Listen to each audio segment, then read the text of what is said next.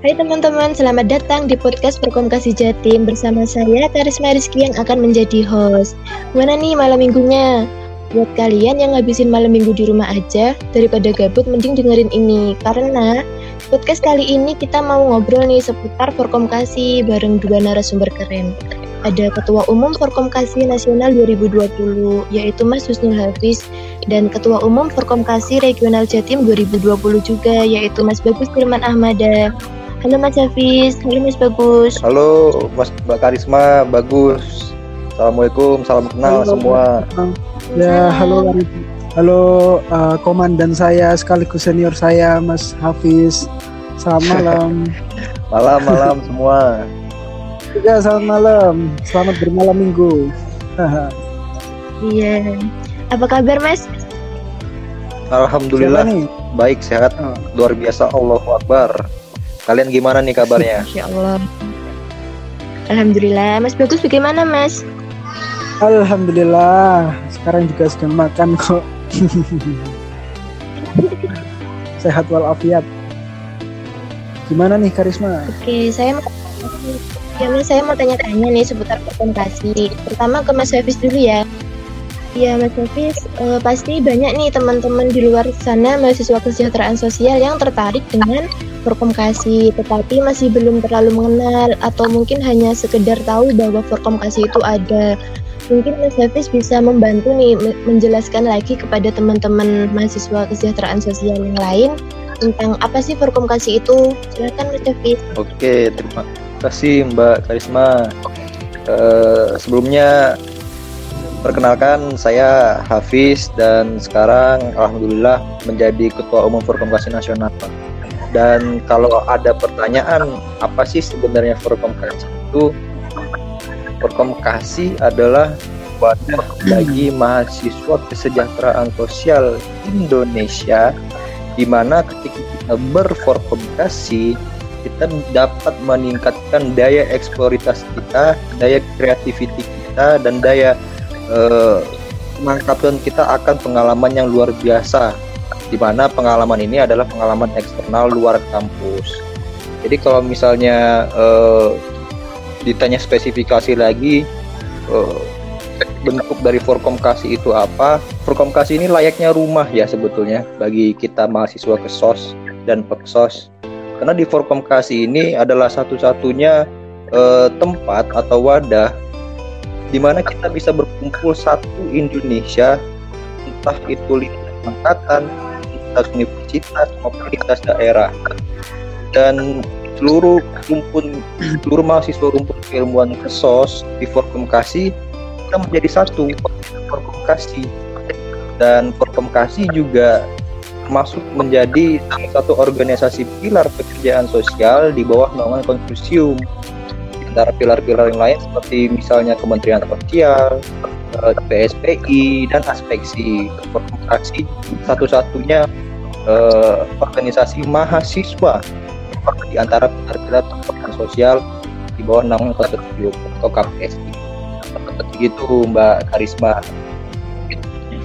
Oke, uh, seperti yang dibilang Mas Hafiz tadi ya bahwasanya perkomkasi ini kan mencakup um, seluruh mahasiswa kesejahteraan sosial. Apakah nantinya yep. mahasiswa-mahasiswa ini tergabung dalam satu kepengurusan perkomkasi nasional atau dibedakan lagi menurut daerah-daerahnya seperti itu, Mas?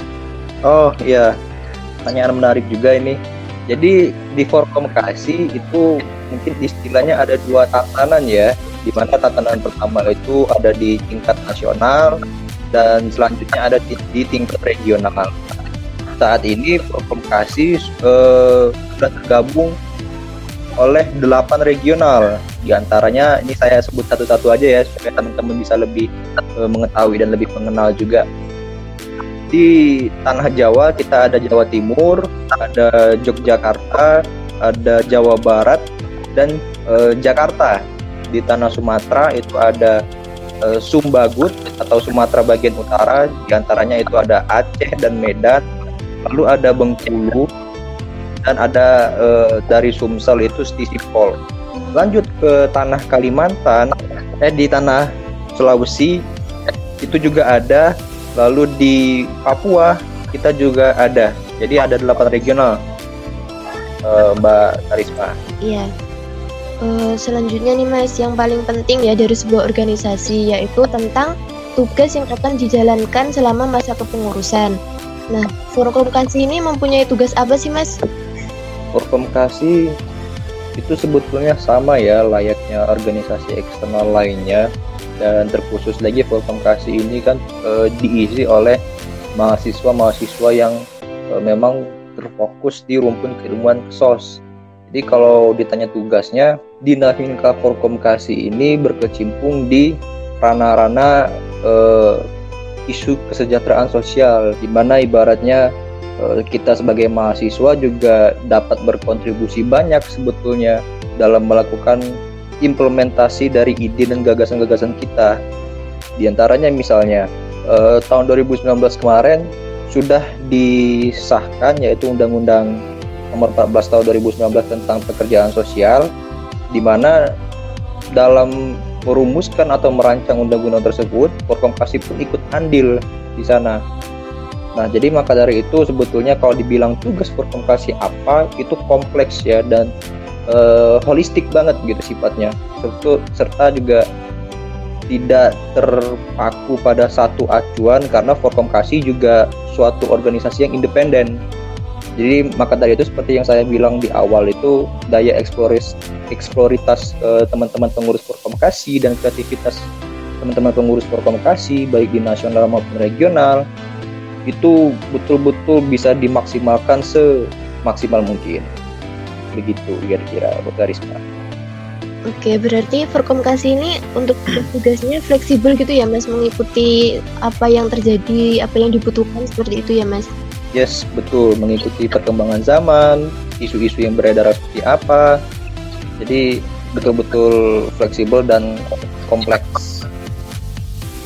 Oke, ini nih uh, kalau untuk struktur kepengurusan dari Forkomkasi Nasional itu seperti apa? Mungkin bisa dijelaskan beserta tugasnya gitu. Ah, oke. Okay. Jadi di nasional itu diisi oleh ketua umum, sekretaris, dan bendahara umum.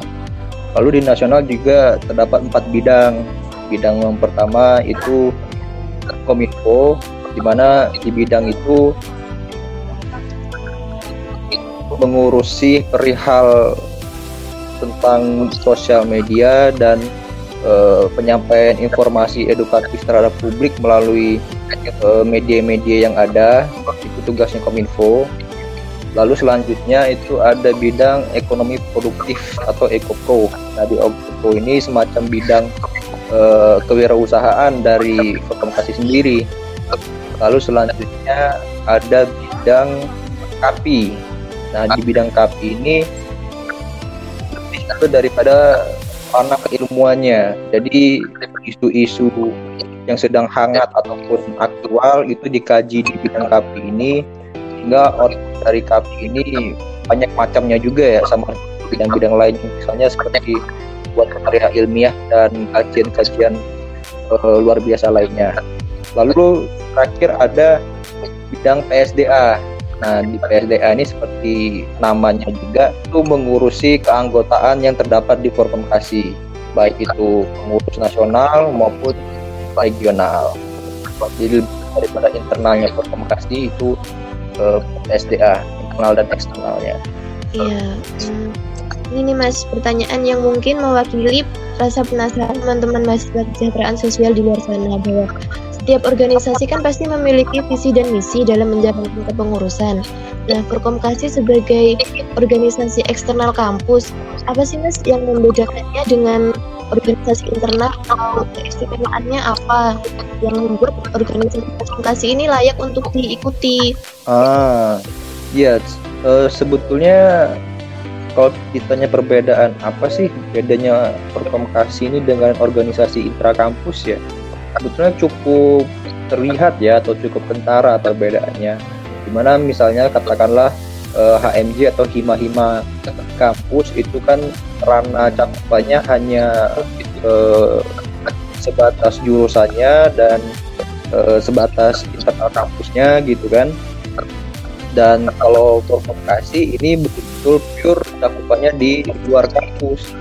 Jadi ranahnya lebih uh, ranah cakupannya lebih luas dan pembahasannya juga lebih luas kita tantangannya juga lebih uh, cukup besar dibanding uh, hima atau KMJ ya di internal kampus Oke. gitu Oke, saya mau tanya-tanya nih ke Mas Bagu. Halo Mas Bagu, uh, seperti yang dijelaskan Mas Hafiz tadi, bahwasanya Forkomkasi itu kemudian nanti dibedakan menjadi beberapa regional. Nah, yang membedakan Forkomkasi Jatim dengan Forkomkasi nasional itu apa sih Mas? Mungkin bisa dijelaskan lagi. Oke, makasih pertanyaannya Karisma. Uh, terima kasih juga sebelumnya kepada Mas Hafiz sudah menghadiri undangan kami untuk mengisi podcast dan juga memberikan informasi kepada mahasiswa-mahasiswa Kesos uh, khususnya seperti itu. Ya, terima kasih Mas Hafiz dan juga ya, terima kasih. Oke. Okay.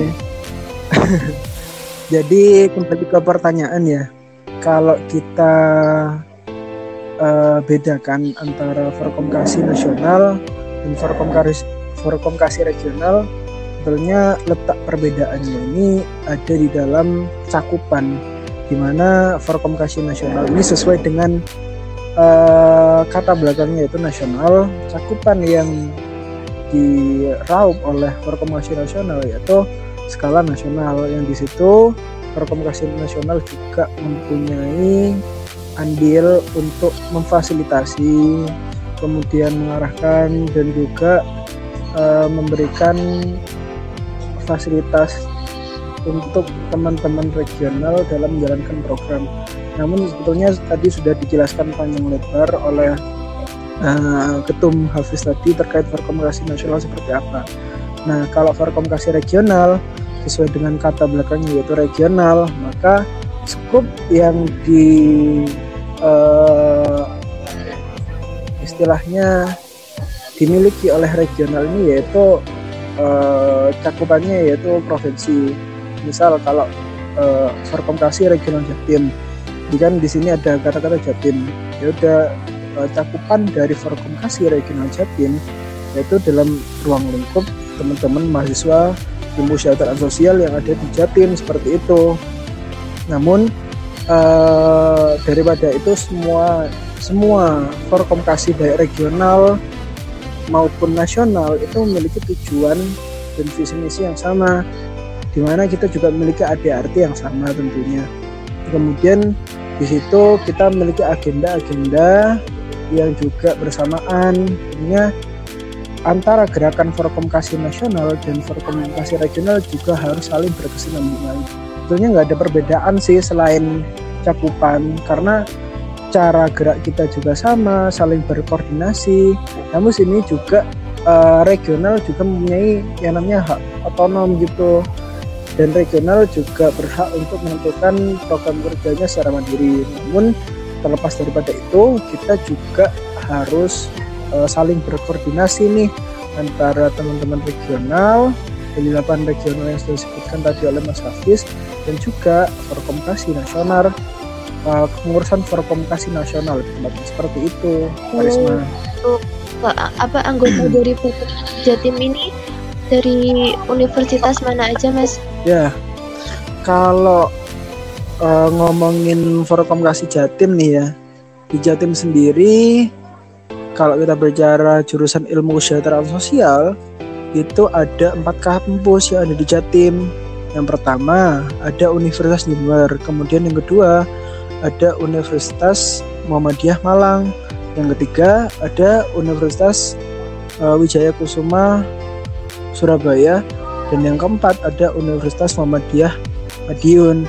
Nah, uh, daripada itu yang sudah terdaftar atau sudah masuk dalam kepengurusan komunikasi regional Jatim yaitu masih tiga kampus uh, yang pertama ini ada Universitas Sumber kemudian yang kedua ada Universitas Muhammadiyah Malang dan yang ketiga ada WKS Universitas uh, Wijaya Kusuma Surabaya seperti Kalau itu.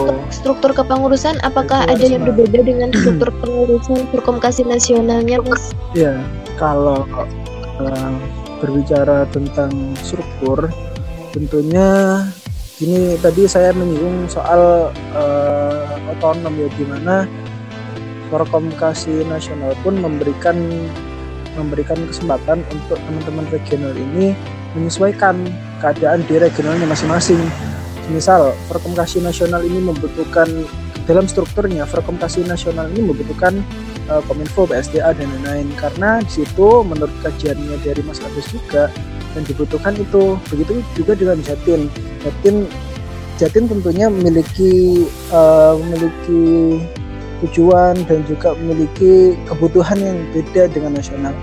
Nah, maka dari itu struktur nasional dan struktur regional uh, Jawa Timur juga berbeda, tapi uh, saling berkesinambungan sih sebetulnya dan juga uh, dilandaskan dengan adanya ada RT dari Forkomunikasi itu sendiri.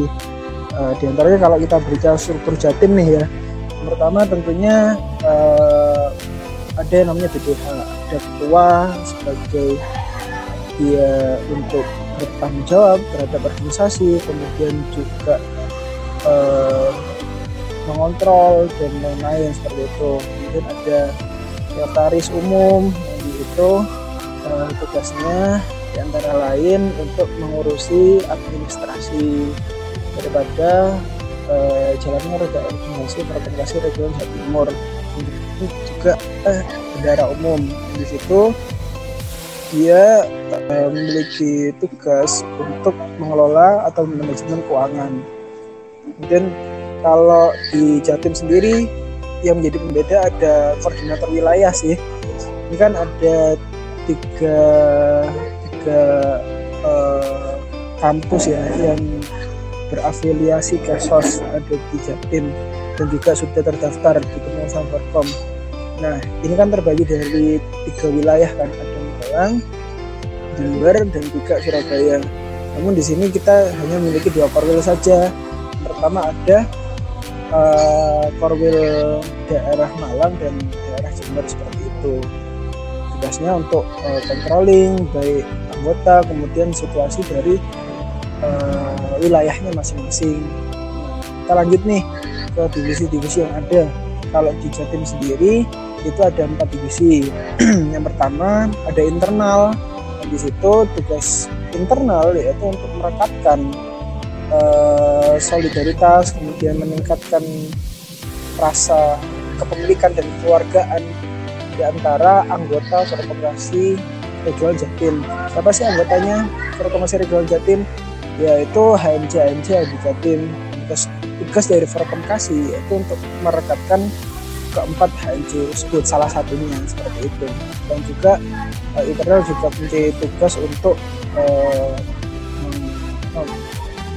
menyelesaikan permasalahan-permasalahan yang ada di anggota itu kemudian kita lanjut ada yang namanya kajian dan pengelolaan isu. Dan di situ uh, cara kerjanya mereka uh, mengkaji isu-isu sosial kemudian juga membuat karya-karya tulis yang kemudian nanti diekspos. Gitu.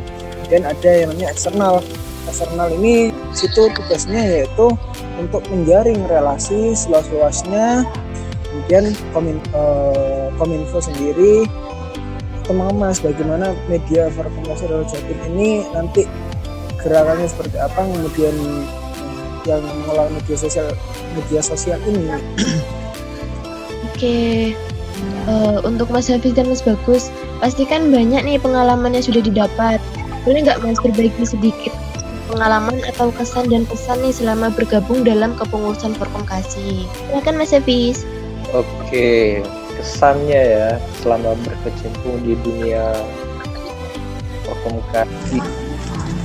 Yang jelas uh, pada awal sekali saya mengetahui tentang kasih itu cukup unik karena itu ada kating saya atau senior saya itu uh, tahun 2014 dia itu gencar ibaratnya menceritakan tentang Forkom kasih ini ke saya. Dan pokoknya kamu harus uh, apa coba gabung tuh Forkom kasih. Bagus kok itu organisasinya. Jadi kamu bisa lebih banyak nanti uh, pengalamannya. Gitu gitulah ibaratnya kan kata casting saya dulu. Cuma ya pada waktu itu kan karena ibaratnya saya waktu itu kalau nggak salah masih semester tiga apa kalau nggak salah. Ya, ya namanya uh, apa orang masih semester tiga kan jadi belum terlalu ya dan belum terlalu uh, excited yang sebegitunya juga kan yeah. cuman uh, lambat tahun kan saya cari tahu apa sih sebetulnya fotografi itu dan bagaimana uh, gerakannya gitu kan fotonya sampailah pada uh, akhirnya saya ikut bergabung dalam kepengurusan regional Jatim waktu itu dan waktu itu di bawah naungannya Mas Tiaman. Jadi begitu saya masuk regional Jatim, hal pertama yang saya ketahui adalah ternyata di Jawa Timur ini bukan cuma UMM ya yang ada jurusan kesal gitu ibaratnya. Ada Jember dan ada Surabaya gitu. Dan di situ juga banyak. Akhirnya kan teman baru kan dengan pola pikir yang baru, dengan ciri khas yang baru, dengan karakter yang baru, dan akhirnya ruang apa diskursus yang ada di dalam organisasi regional Jatim itu juga cukup kompleks dan cukup dinamis gitu kan. Dan juga cukup membantu saya sebagai uh, mahasiswa itu dalam belajar di ranah-ranah eksternal apalagi uh, terfokuskan di rumpun keilmuan. Dan akhirnya ya Forkomkasi ini sangat membantu sekali membuka cakrawala berpikir saya mengenai dunia uh, sos ini seperti apa gitu kan. Dan sudut pandang saya mengenai sos ini seperti apa sehingga uh, kasih ini sebetulnya betul-betul wadah uh, silaturahmi yang sifatnya kekeluargaan sehingga ketika kalau kalian nanti ingin bergabung dengan Kasih itu sebetulnya nggak harus muluk-muluk atau nggak harus mesti dianggap suatu wadah gampang dan serius gitu ya. Karena memang kita pun berangkatnya dari asas kekeluargaan dan silaturahmi itu wajib ya ibaratnya diterapkan di komunikasi jadi daripada kita juga mendapatkan pengalaman yang ilmiah yang akademik kita juga mendapatkan hal-hal uh, cerita-cerita lucu cerita-cerita konyol bahkan cerita-cerita yang ya layaknya organisasi eksternal gitu ya. Kita tim dulu terus bahkan sampai yang sekarang itu bahkan kalau dibilang nasional juga wah itu lebih seru lagi sebetulnya kan jadi ya persiapkan aja uh, kalau misalnya ada teman-teman nanti yang ingin bergabung ke dalam komunikasi gitu kan persiapkan diri untuk have fun uh, dan santuy gitu ibaratnya. Jadi tegang boleh serius boleh tapi have funnya jangan dilupakan santuinya juga jangan dilupakan gitu kan. Komunikasi nggak setegang itu kok ibaratnya itu kurang lebih Mbak Karisma Oke, kalau untuk Mas Bagus sendiri gimana nih Mas? Ada pengalaman atau kesan dan pesan apa nih yang mau dititipkan ke teman yang lain? Hmm, kesan ya. Jadi sama sih Kak Mas Hafiz, aku sendiri udah dua kepengurusan kan di situ.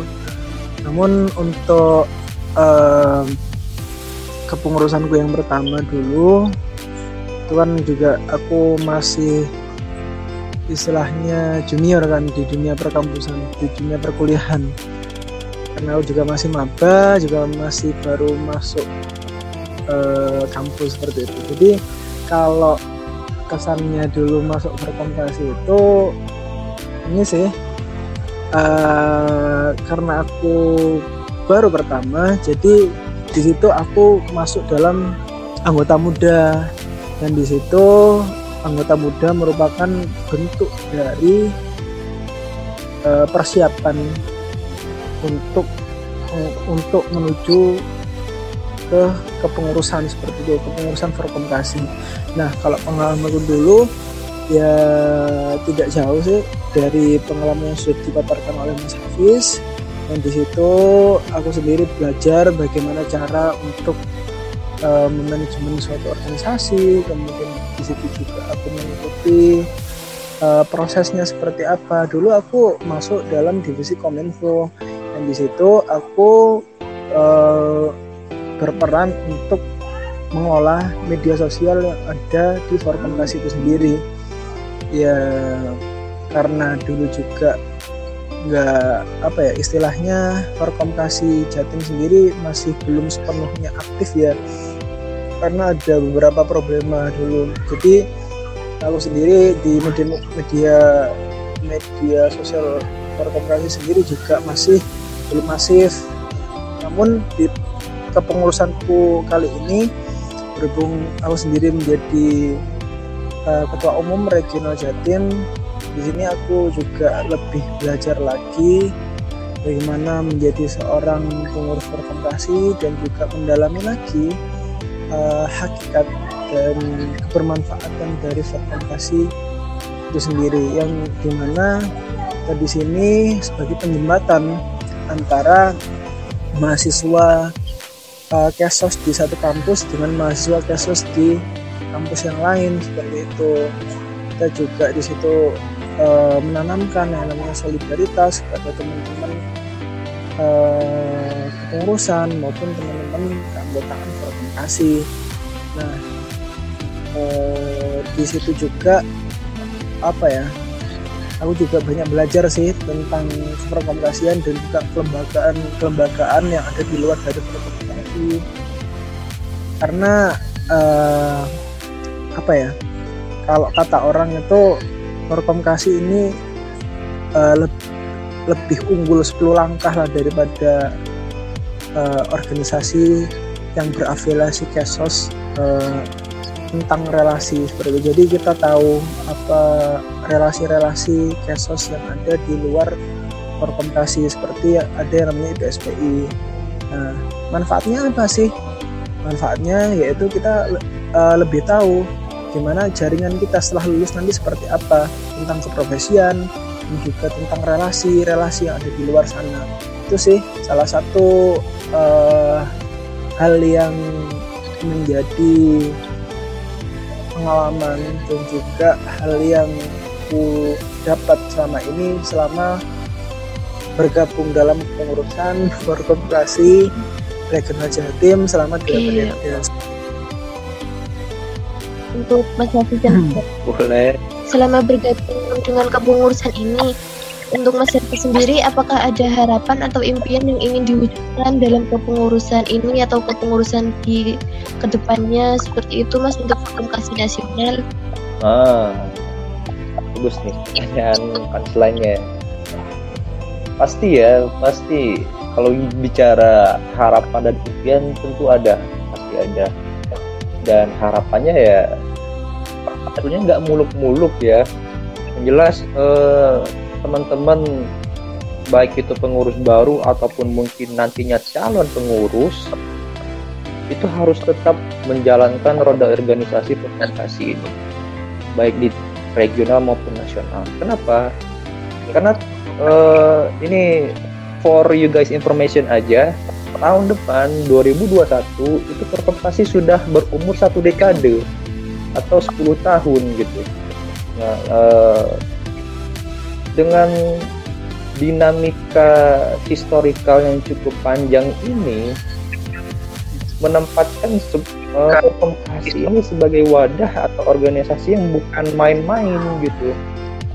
Jadi uh, teman-teman juga harus betul-betul ekspresif dalam menjalankan roda kepengurusan ini teman-teman juga harus betul-betul independen dalam mengadakan roda kepengurusan ini kritis serta fluktuatif ya. Fluktuatif ini maksudnya jangan flat flat saja uh, jangan menganggap ya kita lain kali geleng-geleng masalah karena ya tadi wadah ini kan ya luar jadi ekspor ekspor aja udah ibaratnya itu kreatif luang apa kasih aja kreativitas kalian ide gagasan kalian gitu kan Jadi perjuangkan uh, nilai-nilai kemahasiswaan kalian di dalam perkomunikasi ini. Itu. Karena juga perkomunikasi ini ya seperti yang tem beberapa teman-teman yang tahu juga mungkin juga bagus uh, pernah mengalaminya senior-senior atau alumni-alumni Forkomunikasi pun itu tidak putus komunikasi sama kita-kita yang uh, baru menjadi pengurusan gitu ataupun kita-kita yang uh, mau akan menjadi pengurus. Jadi senior-senior atau uh, alumni yang pernah bertemu di dunia komunikasi pun itu sangat welcome dan sangat terbuka sekali ketika kita mau membuka komunikasi sama mereka, berdiskusi, bertanya, minta pendapat dan lain-lain. Jadi ya eh, dibalik daripada keseriusan sebuah organisasi yang besar ini, yang saya bilang lagi kita tadi organisasi ini adalah organisasi keluargaan yang sifatnya silaturahmi itu terus aktif jalan. Tapi ibaratnya eh, bahasa-bahasa kesungkanan yang ada di dalam provokasi itu tepis bisa mungkin kalian ibaratnya harus progresif, dan aktif gitu kan. Itu mungkin uh, harapannya ya. Dan impiannya impiannya ke depan ya insya Allah harapannya berkomunikasi semua uh, jajaran ya baik di nasional maupun regional. Ya yang pertama regionalnya bisa aktif semua gitu kan. Ya bukan hanya sekedar aktif yang sekedar aktif gitu ya tapi aktif dan produktif tetap progresif gitu kan. Terus yang kedua ada sinergitas antara regional yang dan nasional untuk uh, mensinergikan program kerjanya antar pilar-pilar mungkin kan yang di bawah APSI kita juga yang ketiga tentu impiannya adalah perkomunikasi ini tetap terus long last bahkan terus uh, meluas mengikuti per perkembangan zaman yang ada nantinya ke depan. Entah itu mungkin kita nggak tahu kan ke depan kalau misalnya jurusan ke sos sos itu bertambah gitu kan di kampus mana-mana aja oh itu lebih seru dan lebih nantang lagi gitu kan.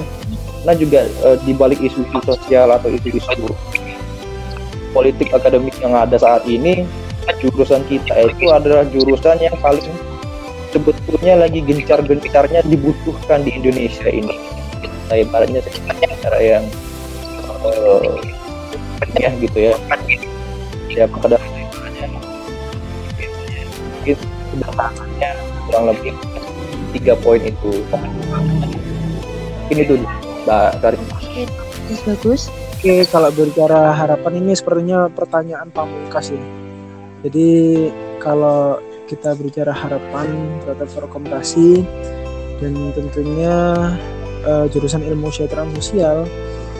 Ya semoga uh, Forkomkasi ini seperti yang sudah tercantum dalam ADRT pembukaan ADRT kita yaitu Forkomkasi ini sebagai media atau wadah kepeloporan kepemudaan untuk uh, mencapai kondisi Indonesia ini yang sejahtera Nah, ini merupakan tugas utama daripada korporasi itu sendiri.